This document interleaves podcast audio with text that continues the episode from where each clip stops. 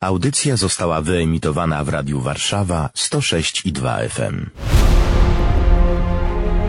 W czasach zniewolenia, ciemności i przemocy, ryzykując młode życie, na swoich ramionach nieśli Polskę. Kazimierz Lachiewicz, urodzony w 1923 roku Wólce Sadowskiej. To była nieduża wieś, czysto polska. W rodzinie jestem dziesiąty jako dziecko, najmłodszy tego. To była tak zwana szlachta zagrodowa. Z tym, że wieś była zorganizowana.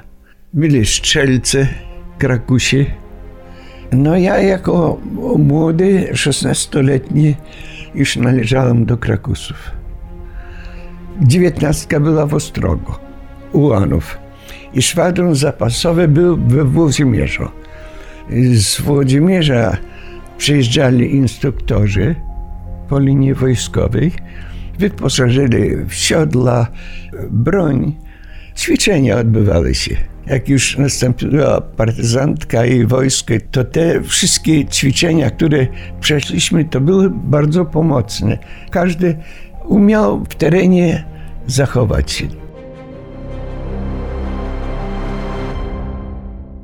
I jak wybuchła wojna, już jak kapitulacja nastąpiła, w 1939 roku, jak nasi żołnierze później wracali, no to my jako młodzi chłopaki wychodziliśmy z mlekiem i z chlebem ich wspomagali. Ale były przypadki, gdzie mała grupka przechodziła przez ukraińskie wioski, że mordowali nawet żołnierzy już w 1939 roku. No ale później z Korei 17 września Ruscy napadli, no i cały czas mówili, że guzika nie damy, no ale dwa takie mocarstwa, to nasza Polska była za słaba na, na obronę. Jak Niemcy uderzyli na, na ruskich w 1942 roku wiosną do naszego domu przyjechał Rumel i Banach. To była administracja na, na Wołyń. Rumel to po linii wojskowej, bo to był podporucznik. Założyli biuletyn. Trzeba było jakąś odezwę do tych ludzi, informować o działaniach, jakie następowały, żeby podtrzymywać na duchu. Jeżeli chodzi o młodzież naszą z tej wioski, no to wieczorami zbierali się też piosenki wojenne śpiewali, żeby to utrzymać, mimo że jest po prostu niewola, no, jednak na dochód. I trzeba było później te biuletyny rozwieść. No to było kilka łączników. Ja też należałem do nich. Rowerami wywoziliśmy te gazetki. Do pewnych punktów dostarczaliśmy, no, w konspirację to już w, ten czas, jak te biuletyny zaczęły, to już musiałem y, tą przysięgę złożyć, że utrzymam tajność. Między innymi takie było zdanie, że y, służyć ojczyźnie do ostatniej kropli krwi. Poszedłem do 27.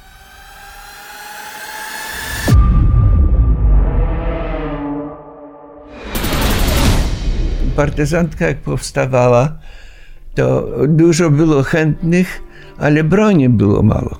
Wolczek, Dominopol, takie te rewuszki, te miejscowości i tam stacjonowała ta 27. Tam sztab był, z tym, że te poszczególne bataliony były rozczłonowane po wioskach stale i tylko w razie czegoś to dawały pomoc.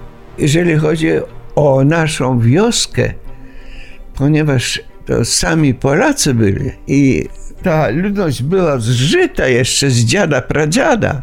Ta szlachta zagrodowa to miała obowiązek w razie napadów jakichś tam, to każdy musiał dać ileś tam obrońców. Także nikt nie wydał nikogo.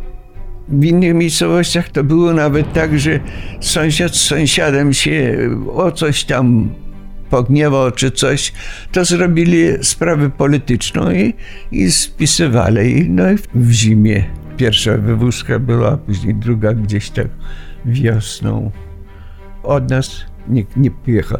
Natomiast jak Niemcy przyszli, werbowali robotników do Niemiec. No oni zaraz wprowadzili swoją administrację i mieli już Ukraińców, których siatka była taka administracja ukraińska.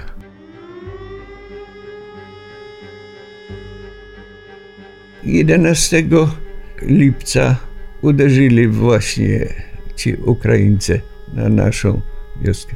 Od tego zapoczątkowało się samoobrona. Z tym, że ten Rumel i Banach uważali, że każda wioska powinna we własnym zakresie.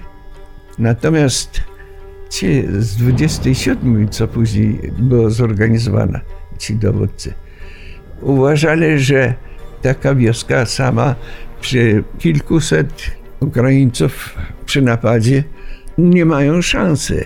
I żeby organizować partyzantki, kilka tych batalionów było. Także w sumie 27 miała gdzieś w granicach 7 tysięcy wojska.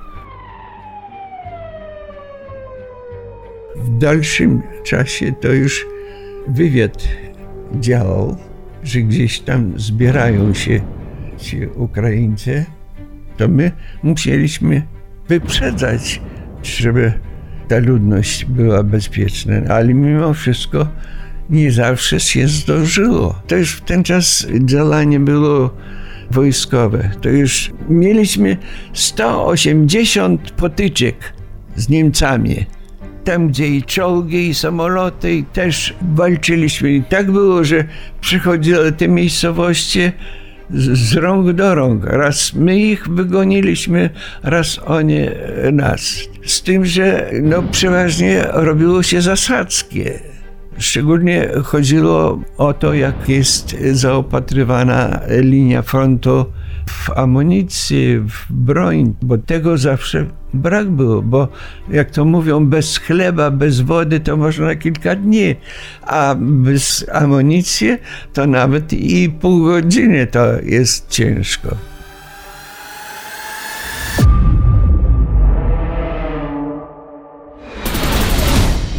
Braliśmy udział w wyzwalaniu Włodzimierza. Dalsze było to takie, można powiedzieć, miasto podziemne, las świnarzyński.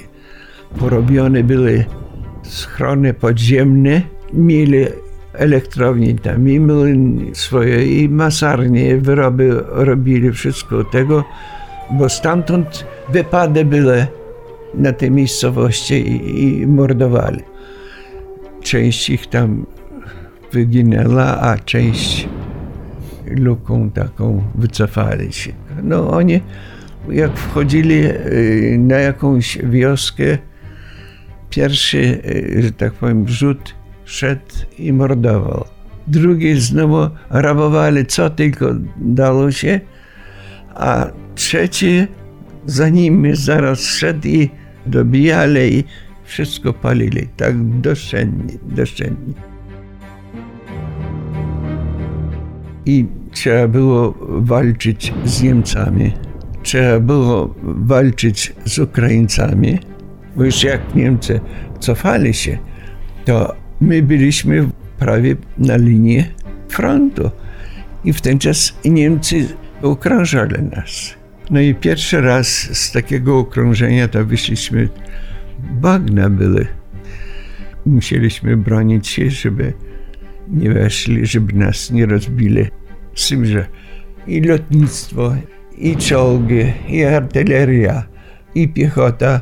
Nie daliśmy rady, już tam trzeba się wycofać. No i przez te bagna. Tam, gdzie Niemcy najmniej spodziewali się, że możemy przejść, to tam przez te bagna przeszliśmy. y, sytuacja była taka, że już jak linia frontu cofała się, to dużo prześlizgnęło się już tych frontowych wojsk y, sowieckich. Chcieli, żebyśmy podporządkowali się im. Nasi dowódcy znowu byli z Londynem i z Warszawą.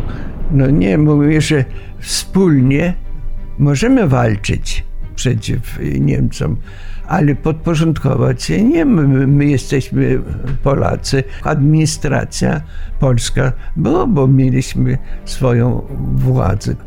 No i o Kowel walczyliśmy razem, o Włodzimierz.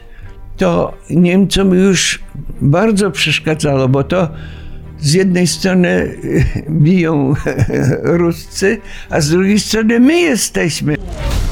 Młodzi, wolni, pełni ideałów. Dzięki nim żyjemy w Polsce. W wolnej Polsce.